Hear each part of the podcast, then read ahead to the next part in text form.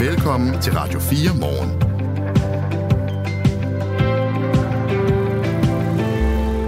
Og velkommen til en morgen, morgen hvor din værter det er Christina Ankerhus og Claus Andersen. Og velkommen til en morgen, hvor vi den næste halve time sætter fokus på de fire benede, på ulven.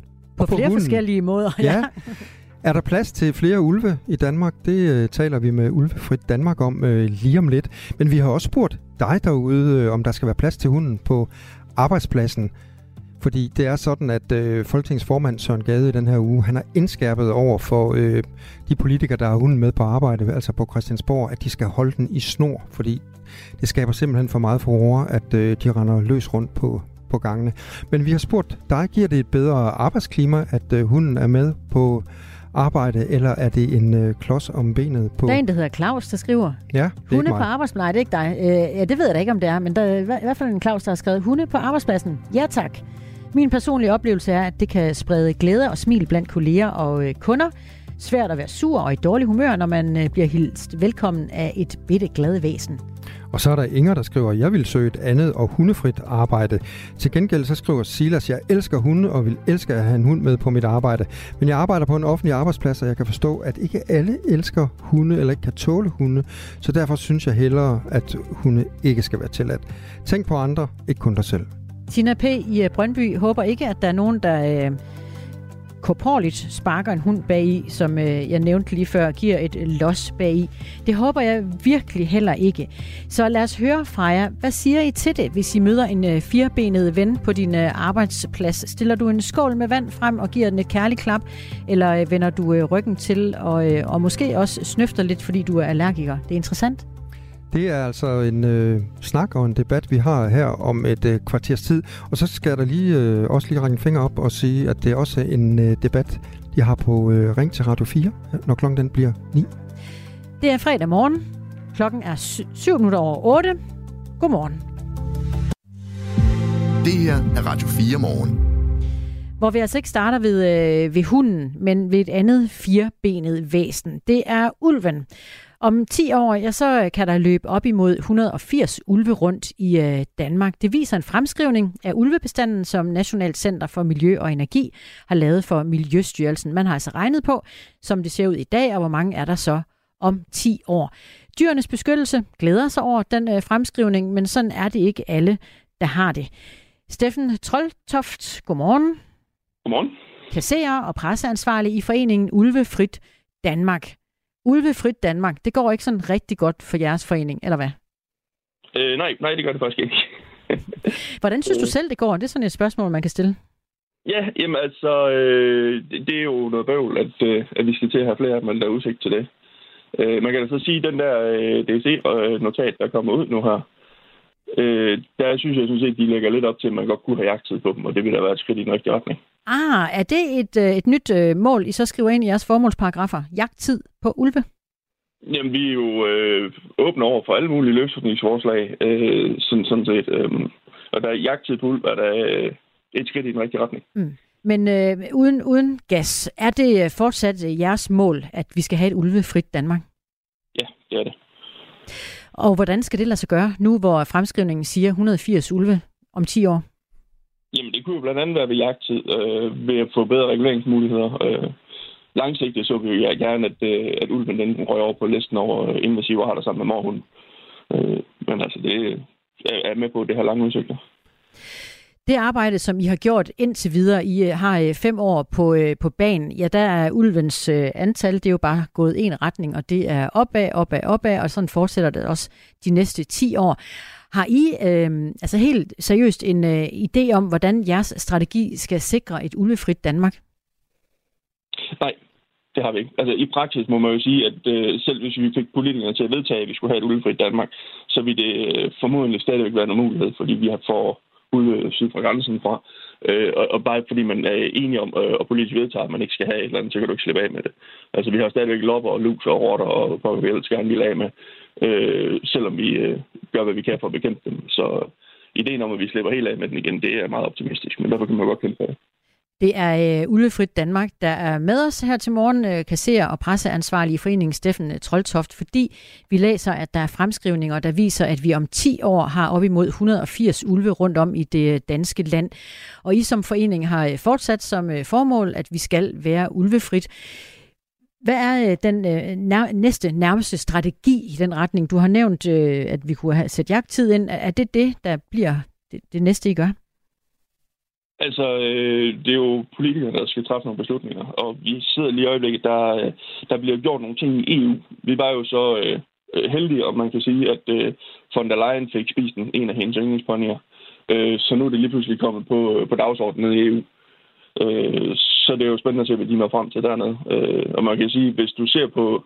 Altså, ideen om, at ulven skal være særlig fredet, er jo helt hen i vejret. Det er et af de mest øh, udbredte landpattedyr, vi overhovedet har. Altså, vi har dem for, i samtlige lande mellem øh, Portugal og Kamchatka halvøen, og fra Norge og hele vejen til Indien, ikke? Altså, og Kina. Øh, så, så ideen om, at ulven den er fredet, eller hvad hedder det, skal være fredet, fordi den er truet, det virker sådan lidt tosset, fordi det, der, der er rigtig mange af dem, og de er udbredt over et kæmpe stort område, så, så det er ikke fordi, den er truet. Men det er rigtigt, det gik lidt i jeres retning, da Ursula von der Leyen hun øh, fik øh, spist sin pony Dolly. Det var en ulv, der angreb, og det fik I pludselig sat det på, øh, på dagsordenen. Er det egentlig sådan noget som det, som får jer til at sige, yes, nu sker der endelig noget? Ja, altså, jeg vil sige, vi har ikke noget med det at gøre, men øh, det, det, det er sådan lidt, øh, en gang imellem, så er man heldig, at, øh, at det er de rigtige personer, der går ud over. Øh, det kan man sige, altså, vi har jo utrolig mange foravlere, som har, har mistet både øh, ponyer og, og får. Øh, især får selvfølgelig. Øh, men øh, hvad hedder det, det har jeg ligesom ikke talt nogen steder. Men når det så er en eller anden øh, ledende politiker i EU, der får taget et øh, hendestyr, så, øh, så er det lige pludselig på dagsordenen. Og øh, man kan sige, det, det er lidt træls, at det er sådan, det hænger sammen, men, men vi ved jo godt, det der det er. Altså, der er jo mange, der har sagt i, i lang tid, at vi får noget paniklovgivning på området lige snart, der bliver taget barn i Danmark. Mm. Men det ændrer ikke på, at det er en ting, der er skidt træls at vente på. Ikke? Og nu øh, har både du og jeg et smil på læben her til morgen, Steffen Troldtoft. Det kan være, at det er fordi, det, det er fredag. Men, men for jer, så er det vel stadig en, øh, en ganske alvorlig sag at, øh, at stræbe mod et ulvefrit Danmark. Der er øh, 30 unge eller øh, voksne ulve i Danmark nu, og, øh, og mellem 14 og 20 valpe. Og I stiftede foreningen i 2018, da der kun var ganske få kendte ulve i Danmark, og nu kan jeg altså se ind i en fremtid, hvor der kommer til at være 180 ulve i Danmark om 10 år. Det er den øh, fremskrivning, vi øh, taler om her til morgen. En ulvebestand, der bare går en vej, og det er op. Og jeg øh, kommer til at pege pilen mod jer igen som forening, for, øh, for vi kan jo bare konstatere, at det ikke rigtig lykkedes at lave et ulvefrit Danmark. Skal der ændres på jeres strategi, spørger jeg så? Øh, det, skal, det skal der måske. Øh, vi, vi sidder i en situation, det er meget svært for os at slå igennem til politikerne. Øh, vi har forsøgt at tage fat i med flere omgange, og det kommer vi ikke rigtig videre med. Øh, så vi sidder nok lidt i en situation, at øh, hvis man ser langsigtet på det, så, øh, så kan det godt være en fordel, at vi får nogle flere, fordi når vi får flere, så får vi flere problemer. Øh, og når vi får flere problemer, så bliver der mere politisk øh, opmærksomhed på området, med villighed til at gøre noget ved. Nu spurgte Christine Ankerhus dig så til, til strategi, øh, Steffen. Der, øh, der er en, der skriver til os her, han øh, hedder Mark. Skal der være flere ulve, så skal de omfordeles til Fyn og Sjælland, og ikke bare være i, i Jylland. Øh, er det en øh, gangbar strategi? Øh, ja, det er jo en, der er lidt populær øh, i nogle kreds, og der vil sige, at altså, vi går ind for et ulvefrit Danmark, og så giver det ikke mening at sige, at vi skal have dem spredt ud til nogle flere. Altså, man kan sige, at øh, og indtil videre Fynborgen har jo været heldige, at de er, de er undtaget for dem. Og, øh, og det, det bakker vi fuldt op om. Øh, jeg tror, ideen udspringer lidt af, at der for nogle år siden var mistanke om, at der var en ulv i dyrehaven. Øh, og den gav de sig selv lov til at skyde utrolig hurtigt. Og der var det lidt ved, at hvis vi kunne have nogle øh, ulveløvende rundt over i nærheden af København, jamen, så kunne det godt være, at dem der inde på Christiansborg, de er lidt mere opmærksomme på problemet.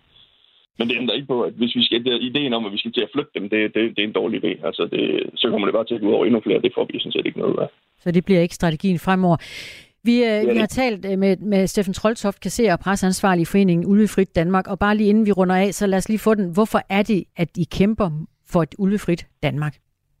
Det er fordi ulven er et skadedyr for det danske kulturlandskab. Øh, den er til gene for, for både øh, folk og husdyr. Det var den korte udgave. Tak fordi du var øh, med os her til morgen. Ja, så tak. Skulle være den gang, så jeg bare. Det gør vi da. Steffen øh, Troltoft, kasserer og presseansvarlig i foreningen Ulvefrit øh, Danmark. Og øh, jeg kan lige supplere med, at Aarhus Universitet er det sted, der samler viden om, om ulves angreb på, på mennesker verden over i perioden 1950 og frem til 2000. Og der viser det sig, at i den 50-årige periode er der ni mennesker blevet dræbt af ulve i Danmark. Uden for vinduet, hvor jeg kigger lige nu, der øh, står to smukke hunde. Skal vi ikke bare få dem inden for, Claus, mens vi øh, lige sætter et lille lydklip på? Det er border collier, kan jeg se. Nej, hvor er de søde. Mm. En kendt dansker er død i en time. Jeg synes, det ville være skrækkeligt, hvis jeg vidste noget skulle være for evigt. Men først skal de spise et måltid, som var det deres sidste. Så kommer, kommer desserten. Så kommer den altså. Fuck, hvor er det voldsomt. Og, øh... og altså, hvorfor, Anna? Hvorfor? Altså, jeg aner det ikke. Sammen med vært Lærke Kløvedal taler de om døden, maden og alt derimellem. Men fjordrejer, det er barndom. Det er gode stunder med min far. Det er noget af det eneste, jeg har haft med papa. Lyt til det sidste måltid, søndag kl. 10.05. Æret være hans minde. Radio 4. Var det det? Det var det. Ikke så forudsigeligt. Så har vi fået fint besøg i uh, studiet. Velkommen til. Tak for det. Jeg har lidt svært ved at koncentrere mig lige nu. Der mm. render to øh, meget, meget, meget søde og meget nysgerrige border collier rundt omkring øh, benene oh, på mig. Ja, de er godt nok søde. Hej. Nå, op på bordet og kigger også med forbrugerne. Ja, de er meget ja. nysgerrige. Ja, det er de da. Det er din, Kurt Jensen. Ja, tak. Ja. Og du har, øh, har taget det med, ja, fordi vi har bedt dig om det. Og det har vi jo, fordi i den her uge, der har Folketingets formand Søren Gade været ude med, med riven efter øh, hundeejerne på Christiansborg. Hundene de øh, løber frit, men nu bliver det indskærpet, at alle hunde på Christiansborg skal holdes i snor, når de ikke er på øh, ejerens kontor. Men så er det jo det med hunden på jobbet. Nogle steder så skaber de en god stemning og bedre arbejdsklima. Det viser blandt andet en skandinavisk undersøgelse blandt øh, 1200 øh, hundeejere. Alligevel så er det ikke så helt almindeligt, at man må have sin hund med, med på arbejde. Men øh, det har du haft i rigtig mange år, øh, Kurt Jensen. Ja, jeg har haft hunde med på arbejde i cirka 30 år. Ej, det er selvfølgelig hyggeligt. forskellige hunde. Nu er jeg også i den privilegerede situation, jeg arbejder på Aarhus Universitet, der er vi enkeltmandskontor, så det er utrolig nemt. Og vi har altid ligesom haft de regler, at uh, implicit, at uh, man må gerne have hund med, Øh, men de må selvfølgelig ikke genere andre, de må ikke forskrække andre, de må ikke larme, de må ikke øh, bide i noget osv. Men hvad var det, der for 30 år siden øh, fik dig til at tage, øh, tage hundene med? Jamen, jeg tror, det var en blanding af, at det var hyggeligt, og at øh, man får utrolig meget positiv respons, og stort set ingen negativ respons. Og så er der også noget praktisk. Det er meget tit, jeg skulle videre ud og træne med hundene, eller de også besøgshunde, så skulle videre ud til et plejehjem eller sådan noget, så slipper man for en masse kørsel, når de kan være med. De hunde, du har med i dag, det er, som jeg også fik sagt, det er Border Collie, og det er Dine og, og, og Miko, og nu sidder, jeg ved ikke, om det er Dine eller Miko, der sidder på, på skødet af, af Christina. Altså, allerede nu kan vi jo godt mærke, at de skaber en, øh, en god stemning. Var det også det, du oplevede på, på arbejdspladsen, at det, det giver sådan lidt, øh, lidt bedre arbejdsklima, lidt oprejsning? Ja, grin? Ja, helt bestemt. Altså, ja, jeg underviser en del førsteårsstuderende, og der er mange af dem, der lige er flyttet hjemmefra, savner deres hunde, så der kommer jeg til nogen, som bare ser hundene, de ligger inden for en glasdør, så kan de se dem, så kommer de ind og hilser på dem og så videre. Vi havde også for nogle år siden en uh, gæst, der var der et par år, og han kom og sagde, at jeg er frygtelig bange for hund, fordi jeg blev en bit af en hund alvorligt, da jeg var barn. Men det her træt af, kan jeg ikke komme, og så prøver at være med de der hunde, som ser søde ud. Og i løbet af ganske få uger, så var han helt solgt. Nu skal han have bortgård. og han fortalte også, også. At, at han havde, øh, han havde tit mareridt, hvor han blev overfaldet af hunde. Men nu ændrede drømmen sig sådan, at han blev stadigvæk overfaldet. Der kom nogle hunde, men så Border Collie slog ring om ham og forsvarede ham. Så det var jo en meget sød historie. Det er det. Altså, nu har du så, som du har fortalt, haft hund med på arbejdspladsen gennem 30 år.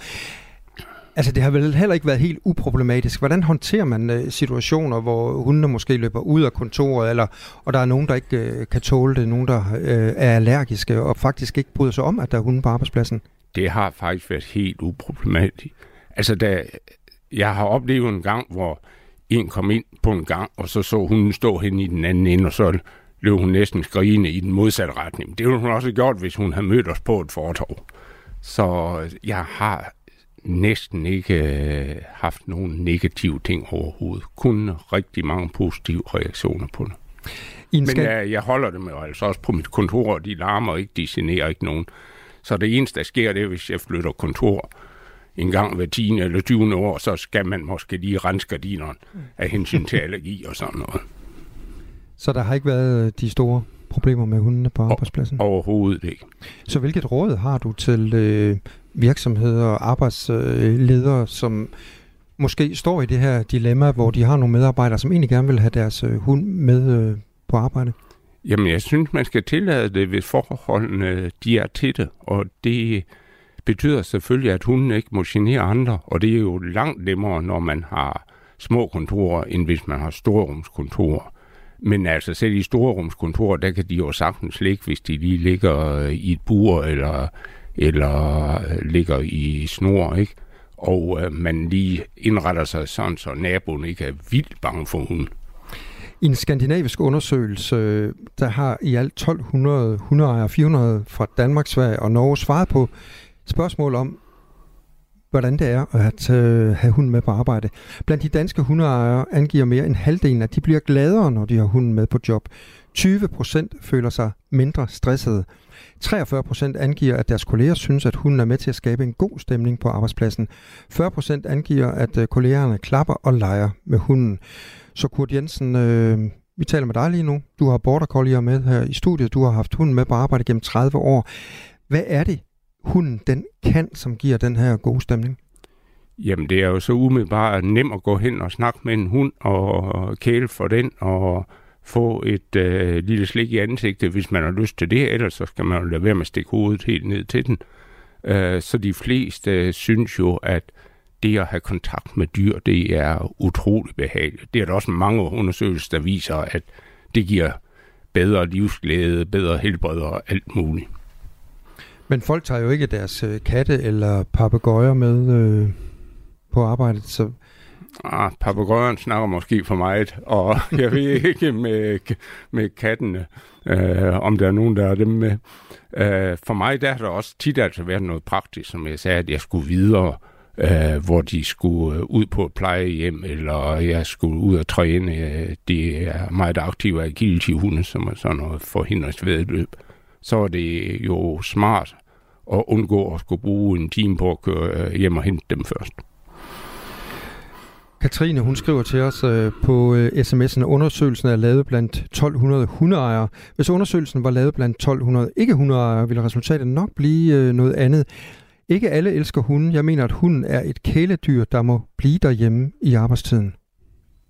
Ja, det, der er også forskellige holdninger, for eksempel om man må have børn med på arbejdspladsen og sådan noget. I øvrigt, når der er børn inden ved os, så er det jo tit meget attraktivt at komme hen og klappe mine hunde. Og det har jeg jo også gjort, øh, klappet din søde hunde, øh, Dejan og, og Miko, og, og jeg, nu har jeg lige stået og børstet lidt hundehår af, og jeg kan også se, når jeg kigger ned, at det kan være, at jeg får bøvl med, med rengøringen lidt senere, der er kommet lidt hundehår. Øh, er det noget, du hører til, at, at det er et problem med rengøring? Ja, jeg har altid været så heldig, at uh, dem, der gjorde rent, de var vældig glade for hundene, og hundene har også uh, gennem rigtig mange år hver år uh, givet dem en lille erkendelighed til jul. Uh, barnflaske rødvin per hund eller sådan noget. Og det opvejer selvfølgelig ikke det ekstra bøvl, der er, men der, jeg har altid haft et rigtig godt forhold. Jeg tror faktisk måske også, at dem, der styrer rengøring, de har valgt nogen, som kunne lide hunden til lige at tage mit kontor. Mm.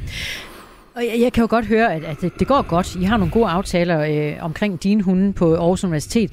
Men hvis nu der skulle være en kollega, der øh, faktisk ikke rigtig bryder sig om det, er der plads til at få det sagt egentlig? Ja, det ved jeg ikke. Altså, øh, den eneste situation, hvor de skal være sammen med mine hunde, andet end at møde dem på en gang, hvilket vil være det samme som at møde dem på et fortov. Det er jo, hvis de har et møde ind på mit kontor. Og i så fald, så kommer hundene ind i, uh, da jeg har en lille indhegning under skrivebord, hvor de kan være inde. Og det er mest, fordi ellers så vil de sidde på skødet af folk hele tiden. Hvis vi lige skal tage den her historie et skridt videre, Kurt Jensen. Øh, du er pensioneret nu? Nej, nej. Jeg er Jeg arbejder deltid. Du arbejder deltid Næsten stadigvæk? fuldtid. Ja, okay, men jeg ved, du har også et lille bidjob, som går ud på, at øh, du øh, tager hundene med og en slags øh, besøgsven på, på plejehjem. Det er rigtigt. Ja, hundene er besøgshunde øh, på i øjeblikket fem forskellige plejehjem. Det er noget, Trykfonden organiserer, altså sætter op kontakten mellem hundeejere og øh, plejehjem og godkender hunde og så videre. Og hvordan bliver det taget imod, at du har hundene med derude på, på plejehjemmene? Ja, for mig der fungerer det på den måde, at personalet de samler dem, der gerne vil have kontakt med hunden i en dagligstue eller lignende. Så får hunden rundt, lov til at gå rundt, ligesom de gør her, og går hen og øh, sætter sig og bliver kælet for. Og det er utrolig stor positiv respons. Og der kommer også meget snakker om, at de forskellige har haft hunde gennem tiden og så videre. Så det fungerer virkelig godt. Det er dejligt at bruge sin tid på, og det er faktisk også sådan, at hundene, de kan godt lide det. Det er helt klart, at de øh, nyder det. De er i hvert fald meget stille og rolige. Ja, de tilpasser sig. Altså forstået på det, at komme på plejehjem, så er de mere rolige. Nu står Miko og snakker med nogen udenfor. Øh, Kigger gennem glasruden. Ja, ja, de er meget nysgerrige. Når de kommer på sådan et fællesrum, så går de altid lige rundt, ligesom her, og snuser i alle hjørner. På plejehjem, der ligger også tit nogle krummer på gulvet og sådan noget, så de giver lige en gratis støvsugning. Så hvis vi lige skal runde den her af, øh, Kurt Jensen, hvad er dit bedste råd til, øh, til folk, der sidder derude og, og overvejer, om hvorvidt det er en god idé at sige ja til at, at tage sit kæledyr eller hund med øh, på arbejdspladsen? Ja, som jeg sagde før, jeg synes, man skal tillade det, hvis forholdene er sådan, at man kan gøre det. Selvfølgelig skal man tage hensyn til folk, der har allergi, folk, der er bange for hunde osv., og det er jo helt forskelligt. Hvis nu det var en, uh, et lager, så er det måske svært at have hunden løben frit ude på lager. Det. Og der er oplagt andre arbejdspladser, hvor det vil være meget vanskeligt at kunne lade sig gøre. Men en kontorarbejdsplads, specielt hvis man ikke har kæmpe store lokaler, der synes jeg, der kan det fint lade sig gøre. Og så skriver Tine til os her, Tine fra Hirtshals. Hvis man ikke kan lide dyr, så er man ikke rigtig skruet sammen. Min mand har en af vores hunde med på arbejde stort set hver dag, og det giver en øh, gladere mand, der kommer hjem efter fyreaften. Det var så en anden dim- dimension. Har du også været en gladere mand, når du kom hjem efter fyreaften?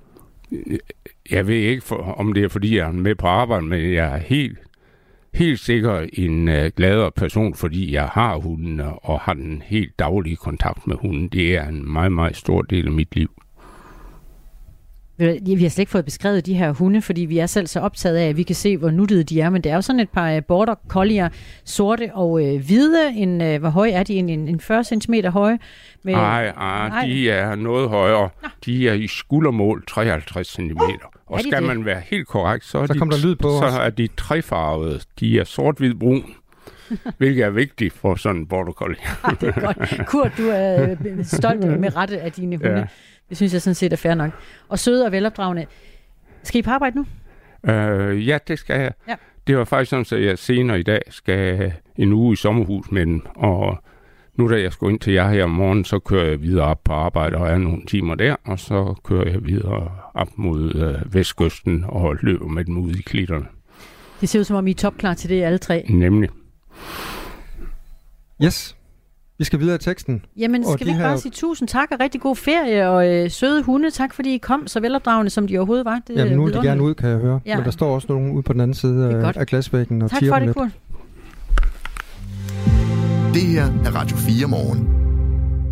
Og det er klart, der bliver puslet nu i baggrunden, for vi skal have et par hunde ud af, af studiet. I mellemtiden, så vil jeg gerne komme med en, øh, en rettelse. For vi talte om ulve lige før, og så øh, kom jeg simpelthen til at sige Danmark i stedet for Europa, og jeg skulle ellers bare læse en tekst op, så jeg tænker, hvordan kunne det gå galt? Men det var nok, fordi jeg kiggede på nogle søde hunde i mellemtiden. Det handlede om, hvor mange mennesker, der er blevet dræbt af ulve de seneste 50 år. Og det er retteligt ni mennesker i Europa. Jeg understreger, ni mennesker i Europa over den periode. Så øh, slog jeg lige et syvtommersøm gennem den og beklager, at jeg sagde noget vrøvl lidt tidligere. Det er sådan nogle ting, der kan ske i øh, kampens sæde, og når der er to border collie omkring benene på en. Tak for din forståelse.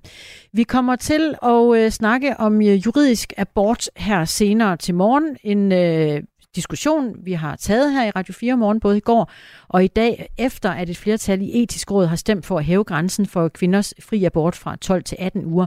Og i den forbindelse, så er det oplagt også at diskutere, hvor står manden, hvilke rettigheder har manden i den her henseende. Ikke ret meget, hvis man lige øh, skulle skæmme den her rapport fra Etisk Råd. De nævner nemlig kun far én gang i den tykke rapport. Vi øh, kommer til at snakke om øh, mandens øh, rettigheder, når det handler om abort, og det gør vi om ikke så længe her i Radio 4 morgen, men nu er klokken halv ni. Nu er der nyheder på Radio 4. Der er stort set ingen bundlevende fisk tilbage i Limfjorden, som følger af landbrugets udledninger af kvælstof. Reelt så er økosystemet øh, brudt sammen siger professor på Aarhus Universitet havmiljøforsker Stig Markager i forbindelse med, at Miljøstyrelsen i dag fremlægger en ny ildsvindsrapport kl. 12. Den katastrofale tilstand i Limfjorden har været kendt i overvis og ikke enestående, siger professoren til Radio 4. Det er et problem, vi ser i rigtig mange af vores fjorde, øh, og årsagen det er, at øh, landbruget øh, udleder rigtig store mængder kvælstof, som så starter en algevækst, og når algerne dør, så falder de ned på bunden og bliver til mudder, og så opbruges al ilten, og så er det, at øh, alle, alt højere liv, det, øh, det forsvinder. Og det er et mønster, vi ser øh, i alle de danske fjorde i varierende grad. Ledigheden vokser for 11. måned i træk. Det viser en opgørelse fra Danmarks Statistik. Antallet af ledige på arbejdsmarkedet steg med 500 personer i august. Udviklingen betyder, at der var 84.300 ledige i august. Det svarer til en ledighedsprocent på 2,9. På trods af den stigende tendens er det dog værd at bemærke, at ledigheden kommer fra et lavt udgangspunkt. Det mener Christian Skriver, der er seniorøkonom hos Dansk Erhverv. De kraftige rentestigninger og vækstafmatning på de danske eksportmarkeder kunne potentielt have sendt beskæftigelsen i bakgear og ledigheden i vejret, skriver han. Men det er ikke for alvor sket, fordi arbejdsmarkedet har været overraskende robust, udtaler økonomen.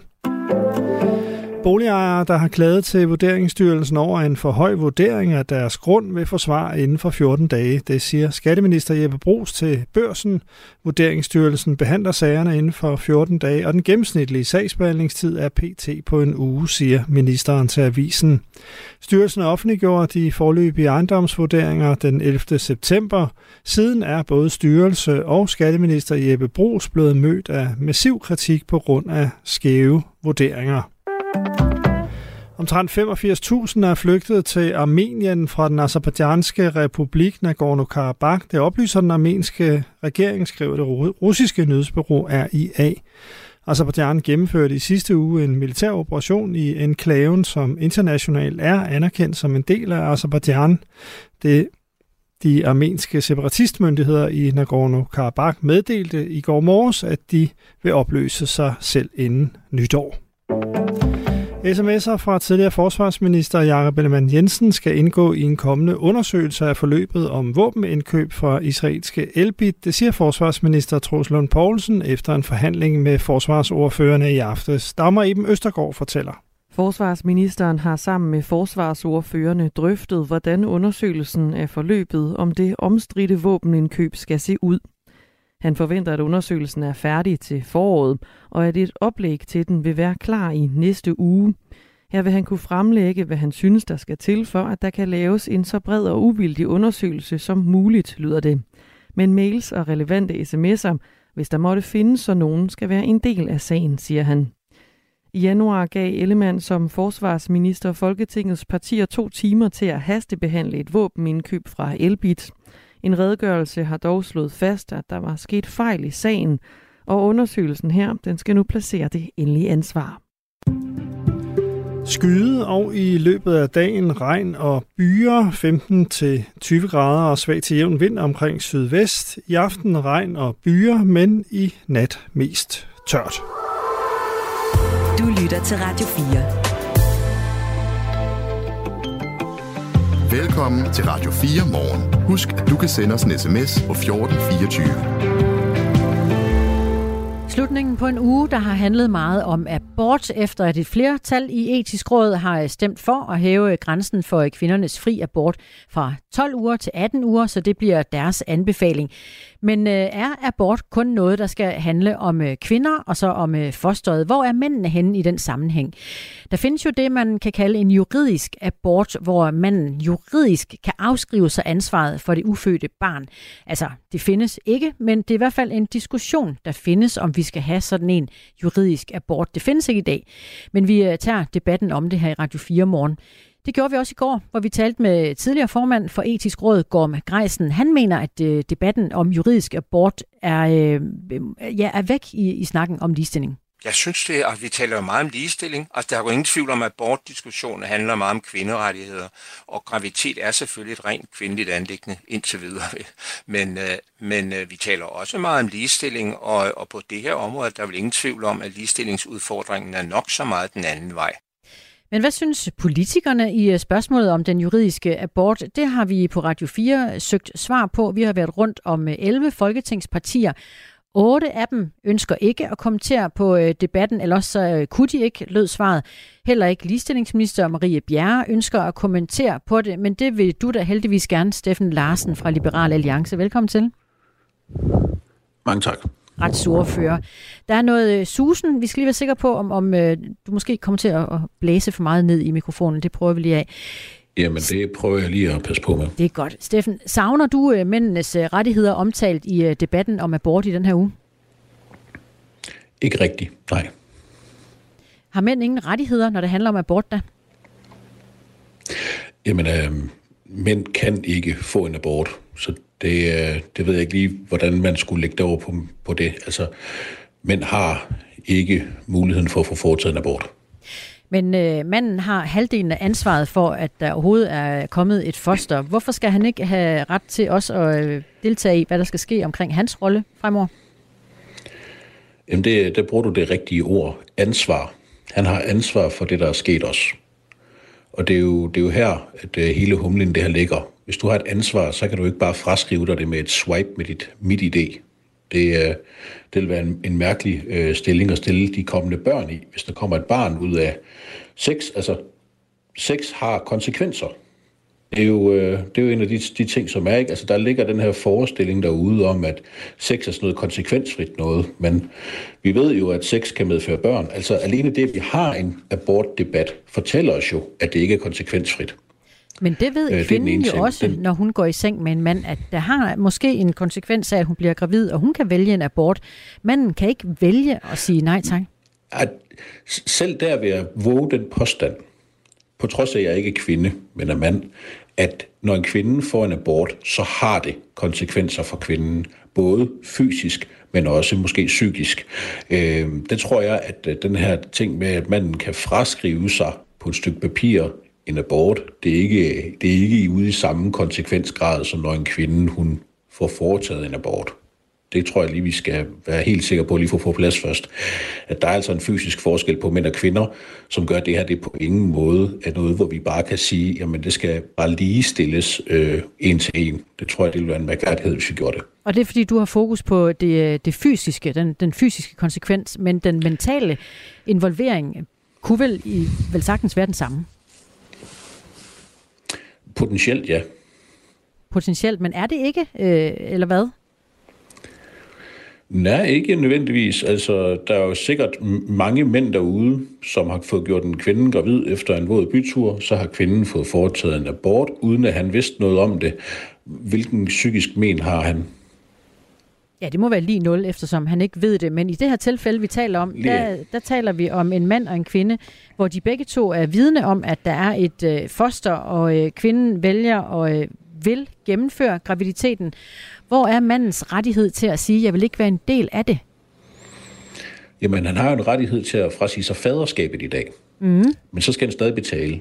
Og det er jo fordi ansvaret, det fanger. Og ansvaret er ikke over for kvinden her. Ansvaret er over for barnet. Der er et barn, der kommer ud af det her. Det barn skal, øh, har jo reelt set krav på at blive forsørget. Det er jo en ting, vi ligesom øh, forestiller os i det gode samfund, at der har børn forsørgere, som sørger for at øh, hjælpe dem godt på vej i livet, ved at sørge for, at de materielle goder, det barn skal bruge, det er dækket ind. Men Steffen... Og det er jo øh, en, blandt andet en, en fars og en mors rolle at være forsørger. Men Steffen Larsen, anerkender du slet ikke, at der kan være tilfælde, hvor øh, det kunne være berettiget, at manden han havde øh, nogle rettigheder til at sige fra, at det her, det vil jeg, det vil jeg simpelthen ikke være med til. Altså, forestil dig... Jo, du... jo, det gør det. Ja. Øh, han, kan, han, kan, han, kan jo, han kan jo sige fra til at have sex det er, det er en hver frit for at lade være med at have ubeskyttet sex med en, øh, en kvinde. Hvad nu? Og dermed også undgå risikoen for, at der kommer et barn ud af det. Hvad nu, altså, hvis, hvad nu ikke... Steffen Larsen, lad os forestille os situationen, at øh, både manden og kvinden siger ja til sex, og manden spørger kvinden, bruger du prævention? Kvinden siger ja. Så viser det sig faktisk, at øh, det gør hun ikke, men øh, hun går i seng med manden for at få det her barn. Altså sådan situationer øh, findes jo. Vil det ikke være rimeligt, at øh, manden får muligheden for at øh, sige fra i sådan et tilfælde? Øhm, jamen, hvad, hvad, nu, nu siger jeg jo ikke, at, at, at ting altid er rimelige, men nu spørger jeg så modsat, er det rimeligt over for barnet, at det ikke har en forsørger? Men det er jo altså, ikke... Det, det, det, det, det, det, det, er jo, det, er jo, det er jo barnets øh, ret også som vi må kigge på. Vi kan ikke nøjes med bare at kigge på, om faren eller moren har en ret til noget. Vi er nødt til at kigge på barnet også.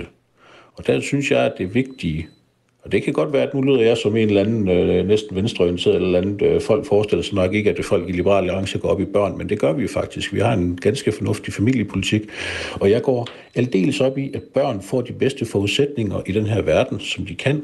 Og det vil blandt andet sige, at hvis du er med til at skabe et barn, og det er man jo, præcis, når man har sex. Øh, også selvom at det, det sker på falske eller øh, fordrejende øh, måder, jamen så øh, har du faktisk et ansvar for at være med til at betale øh, for det barn, der kommer ud af det, hvis så frem kvinden hun vælger at gennemføre graviditeten. Vi tager øh, snakken her til morgen om øh, den øh, juridiske abort, som øh, man har valgt at kalde det. Det er jo ikke en abort i virkeligheden, for det er jo kun kvinden og hendes krop, der kan opleve det, men en fraskrivelse af at have noget med barnet at gøre. Juridisk abort defineret som, at manden han altså fraskriver sig det. Det er et begreb, man har opereret med i Danmark siden 2000. Det eksisterer ikke andet end på tankeplan. Vi har øh, været omkring i øh, folketingspartierne på Christiansborg her på Radio 4 og spurgt, hvad man øh, synes om det, og der er øh, ikke mange, der ønsker at deltage i, øh, i den snak. Hos DF, der siger de, at det er en debat, der ikke giver mening at tage op overhovedet. Ni øh, andre folketingspartier ønsker slet ikke at giver os et svar på det. Nye Borgerlige mener heller ikke, at debatten om juridisk abort er nødvendig, men de mener, at man burde kigge på mænds rettigheder, når det kommer til graviditet. Men øh, så har vi til gengæld Allan Schmidt, der er ligestillingsdebattør og formand hos Ligestillingspartiet. Han vil gerne tale med om det. Han øh, synes, vi da i det mindste bør diskutere den juridiske abort. Jeg synes, vi kan inkludere snakken om mænds manglende reproduktive rettigheder. Det vil sige det her med at have noget at have sagt i forbindelse med en graviditet. Øhm, I dag er det jo sådan, at hvis kvinden bliver gravid, og hun siger nej, og han siger ja, så er det hende, der trumfer hendes krop, indtræder alt det her. Hvis, hvis, hvis hun siger ja, og han siger nej, så er det stadigvæk hende, der trumfer. Øhm, og det, jeg egentlig synes mangler, det er hele diskussionen om, at hun har retten til at sige fra til at blive forældre. Hvorfor skal han ikke også have retten? Og Steffen Larsen er med os, retsordfører for Liberal Alliance. Du skal også høre en mand, der, der faktisk blev, blev overtrumfet. Jen, øh, Jon Kjellund, han blev nemlig ufrivillig far i 2011. Jamen helt generelt skal samfundet tale om farens rettigheder. Og altså, der er kommet lidt af det i forhold til familieret, hvor man har haft nogle sager, hvor at øh, fædrene jo øh, bliver udsat for løgn og bedrag. Men det fungerer så også en anden vej, skal jeg hilse at sige, ikke? Steffen Larsen, du ser ikke grund til den juridiske abort, det har jeg hørt dig sige, men er der så grund til at diskutere mænds rettigheder på en anden måde i forbindelse med abortlovgivningen? Ja, det kan der, det kan der sagtens være. Øh, nu, nu ser jeg ikke nødvendigvis øh, abortlovgivningen, men vi kan jo kigge på, hvordan at øh, familieretshuset blandt andet rettet. Der er nogle, der er nogle områder der, som, som der lader til at være nogle klare øh, kønslige skævheder på. øh, blandt andet, hvordan Øh, øh, hvad det, væveskab og så videre tildeles, så man må se sin, sine børn. Øh, det er jo en ting, som øh, lader til at have nogle lad os sige, på den, på den lette side nogle retssikkerhedsmæssige udfordringer øh, for mændene. Og det, det tror jeg, at der kan være værd at kigge på, blandt andet. Men hvis det skal ske, så skal I skubbe til øh, den diskussion i øh, etisk råd. Det øh, fortæller øh, formand Leif Vestergaard gerne. Han vil gerne tale om det. Det, øh, det er ikke sådan, det lige ligger på arbejdsplanen øh, for øjeblikket. Men det er klart, at hvis der, hvis der er sådan, det, øh, der er mange, der, der peger på det, eller hvis der er sådan, at, at Folketingets udvalg for det etiske råd siger, det vil vi egentlig gerne høre lidt mere om, så tager vi det op. Så bare lige kort, Steffen Larsen fra Liberal Alliance. Kommer du til at sparke den proces i gang? Uh, altså, altså ligge processen omkring juridisk abort, den, den mener jeg, det er en, en øh, forkert vej at gå med det. Men vi kan sagtens tale om, øh, hvilke rettigheder mænd har i forhold til øh, at se deres børn og lignende. Der, der lader til at være nogle, nogle klare problemer, som kan tages op der. Steffen Larsen fra Liberal Alliance, tak fordi du var med os her til morgen. Det var slet. God morgen. Det her er Radio 4 morgen. Torsdag aften stod Sveriges statsminister Ulf Kristersson frem på skærmen for at holde en tale til den svenske nation om den højintense bandekonflikt, der verserer i, i landet lige nu. Så lad os uh, høre, hvordan det lød. Vi kommer att införa visitationszoner så att polisen kan plocka av de kriminella deras vapen och sprängmedel och vi inför anonyma vittnen så att vanliga människor vågar vittna. Vi kommer införa förvaringsstraff så att riktigt samhällsfarliga brottslingar aldrig mer kommer ut. Och vi ska utvisa de utlänningar som rör sig i de kriminella gängen, även om de ännu inte har dömts för några brott. Ulf Christensen, han sagde, at vi vil indføre visitationszoner, vi vil indføre anonyme vidner, så almindelige mennesker tør at vidne. Vi vil indføre forvaringsstraf, og vi vil udvise de udlændinge, som færdes i bandemiljøet. Jesper Sølg er nordisk korrespondent for TV2. Godmorgen. Godmorgen. Jesper, hvad siger den her situation øh, i Sverige lige nu, at statsministeren øh, han holder sådan et pressemøde, og han siger, som han gør? Og det er utrolig sjældent, at man har en tale til nationen fra den svenske statsministers side, og det understreger også øh, alvoren. Og nu nævnte du et par eksempler på noget af det, som den svenske regering vil indføre.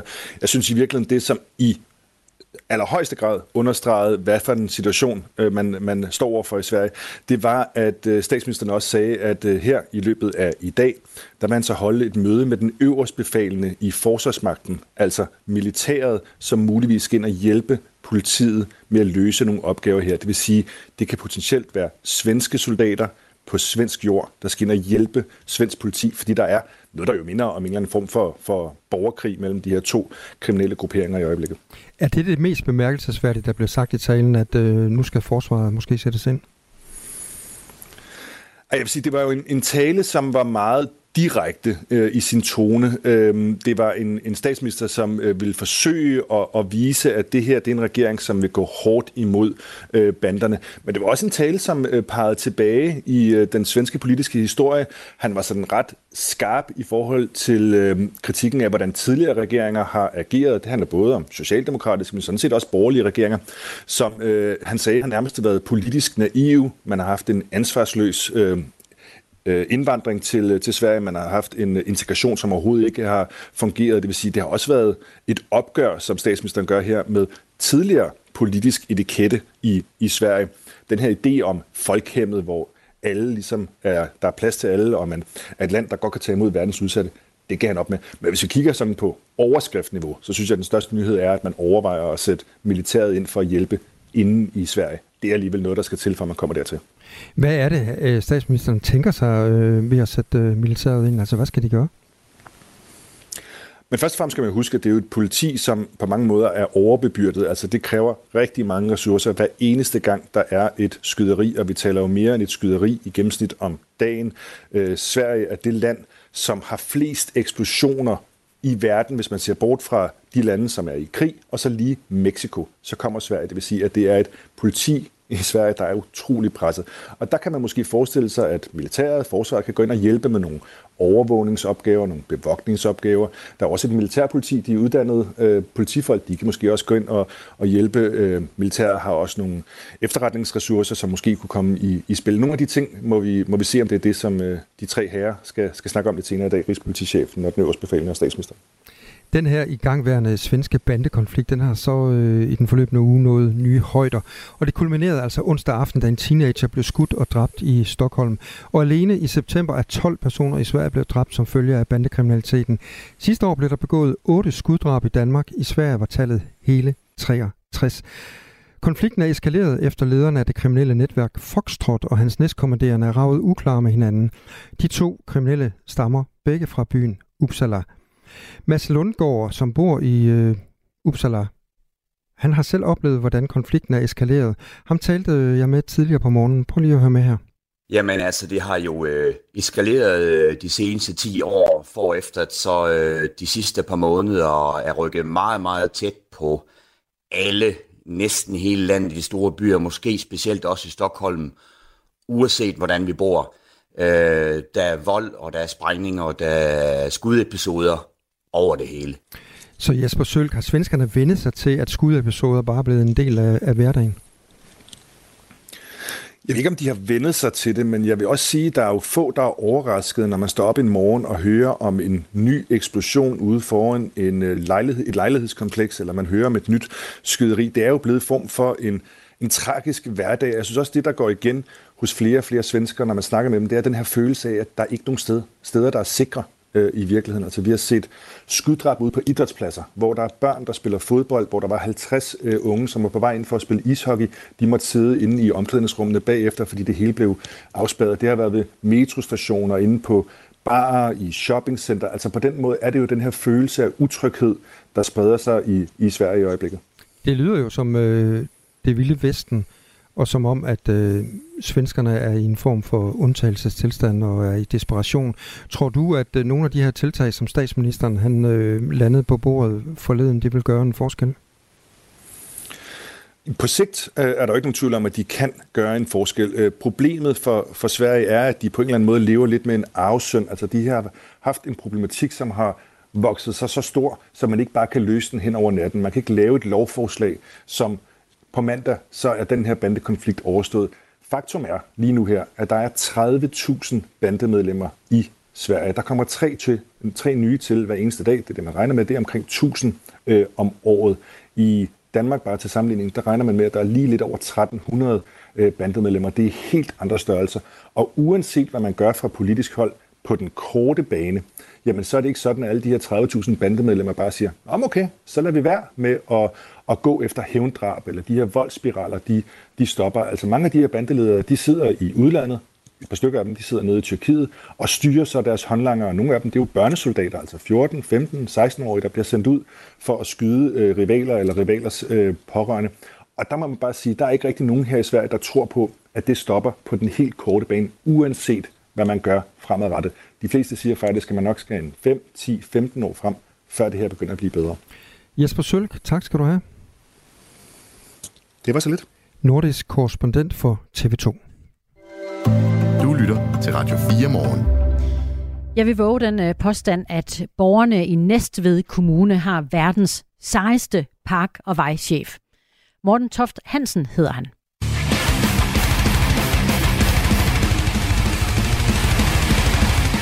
Det er øh, ham, der spiller trommer på øh, nummeret her.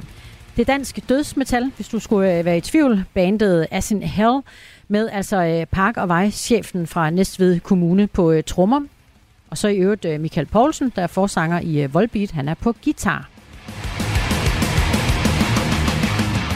Han er vild, ham vejmanden. Ja, det må man da nok sige. Så kører han ind på sin havetraktor og sætter sig bag trommerne i As in Hell. Nummeret her, det er Fall of the Loyal Warrior, er udkommet på et album, der udkommer i dag. Og ved, ved trommerne altså en øh, vej- og parkchef fra Næstved Kommune. Til daglig skal du forestille dig ham her, der sidder bag trommerne. At han styrer 105 medarbejdere, der slår øh, græs og klipper kanter i Næstved Kommune. Og i fritiden så øh, sætter han sig her øh, og giver den gas. Han lyder ikke som en, der har sin hund med på arbejde. det kan godt være. Det er øh, dødsmetal, når det er allerbedst. Ja, det siger i hvert fald vores øh, mest musikkyndige her på Radio 4, Anders Bøtter. Han siger, at det her det må være årets album. Dødsmetal, death metal, det kan du nok høre. Det øh, bygger på en øh, tung bund af ofte dobbelt stort tromme og forvrænget guitar. Og så er der den her meget karakteristiske øh, vokal, hvor man ikke synger. Det havde du nok luret. Men hvor man growler. Eller skriger. det kommer an på, om man er til det eller ej. Nå, det var egentlig bare for at sige, at øh, det må altså godt nok være øh, ikke bare Danmarks, men verdens sejeste vej- og parkchef, der sidder bag trommerne i det her band. Således øh, opløftet en fredag morgen. Det her er Radio 4 morgen. Ja, og det er jo fredag, så er det blevet tid til øh, Palle og tid til at lytte til Nations telefonsvar. Du har ringet til Nationen-telefonen. Læg venligst din holdning efter bippet. Ja, det er Palle fra Kalmborg. Nå, så ser det ud til, at abortgrænsen bliver hævet til 18 uger i stedet for 12 uger. Og det svarer sådan rent udviklingsstadiemæssigt til, at man går fra at måtte suge Venstre Sofie Løde ud, til at man nu må suge DF's Mette Thiesen ud. Eller også så er det omvendt. Det er vel i grunden din partifarve og krakilske holdning til sammen, der afgør den sag. Men øh, etisk råd har nu tænkt sig etisk om og vendt etikken af dette. For nogle uetiske spørgsmål og er kommet frem til en mere eller mindre etisk anbefaling, som ud fra deres etiske vurdering, nu med etikken i behold, kan anbefale, at man i stedet for at afbryde et foster på 14-20 gram, der måler 6-7 cm med bruskvæv i hoved, arm og ben og samtidig har udviklet mundhuler og tunge, Altså et foster, der udviklingsstadiemæssigt svarer til de konservatives Per Larsen. Nu kan afbryde et foster i 18. uge på 230 gram, der måler 18 cm, med øjne og ører samt reflekser, som er i stand til at sparke til livmoren. Kort sagt, en lille sund fyr i stil med enhedslistens Per Velblund. Og så er banen ellers kridtet op til et brag af en politisk etikkonkurrence, hvor venstrefløjen vil tale om kvinders rettigheder med afsæt i uønskede graviditeter ved for eksempel voldtægt i de sene nattetimer i incestuøse forhold, der tvinger dem væk fra deres studier ude på ruk og smerten ved at være tvunget af samfundet til at føde babyer, man ikke vil have, når man nu lige havde det så sjovt. Og højrefløjen, ja, de vil være på det ufødte og lille uskyldige barns side, som bliver revet bort fra en smuk verden, kun for at unge, snot stupide kvinder kan bolle i flæng uden konsekvenser, imens de selv realiserer sig selv og stemmer rødt i hovedstaden.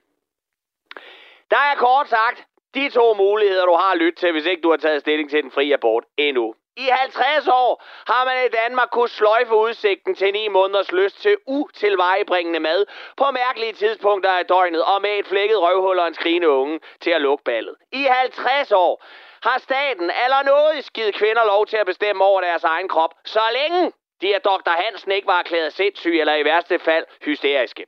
Og i 50 år har fædre til de små uønskede skiderikker i livmoren været sidestillet med en ligegyldig råden hegnspæl, man må tage stilling til ved lejlighed. Og misforstå mig ikke. For det er også sundt for mænd en gang imellem at blive bedt om at lukke røven og bare gøre, hvad der bliver sagt, eller gå ud og lege, mens de voksne taler. Fordi i sidste ende, så er det jo ikke dig som mand, der skal klemme et Måns Rubinstein stort hoved ud af et næsebord og få suget dine patter flade og livløse som et partiprogram for moderaterne.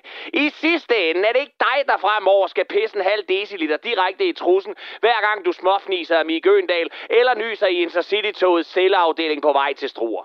Og Gud noget at trøste dig, hvis du som mand skulle have en mening eller en holdning til alle overnævnte ting, for det er ikke din livmor. Du har kun leveret sæden og en halvfed, der gjorde hele misæren mulig, medmindre du selvfølgelig er tømmer og hedder Josef.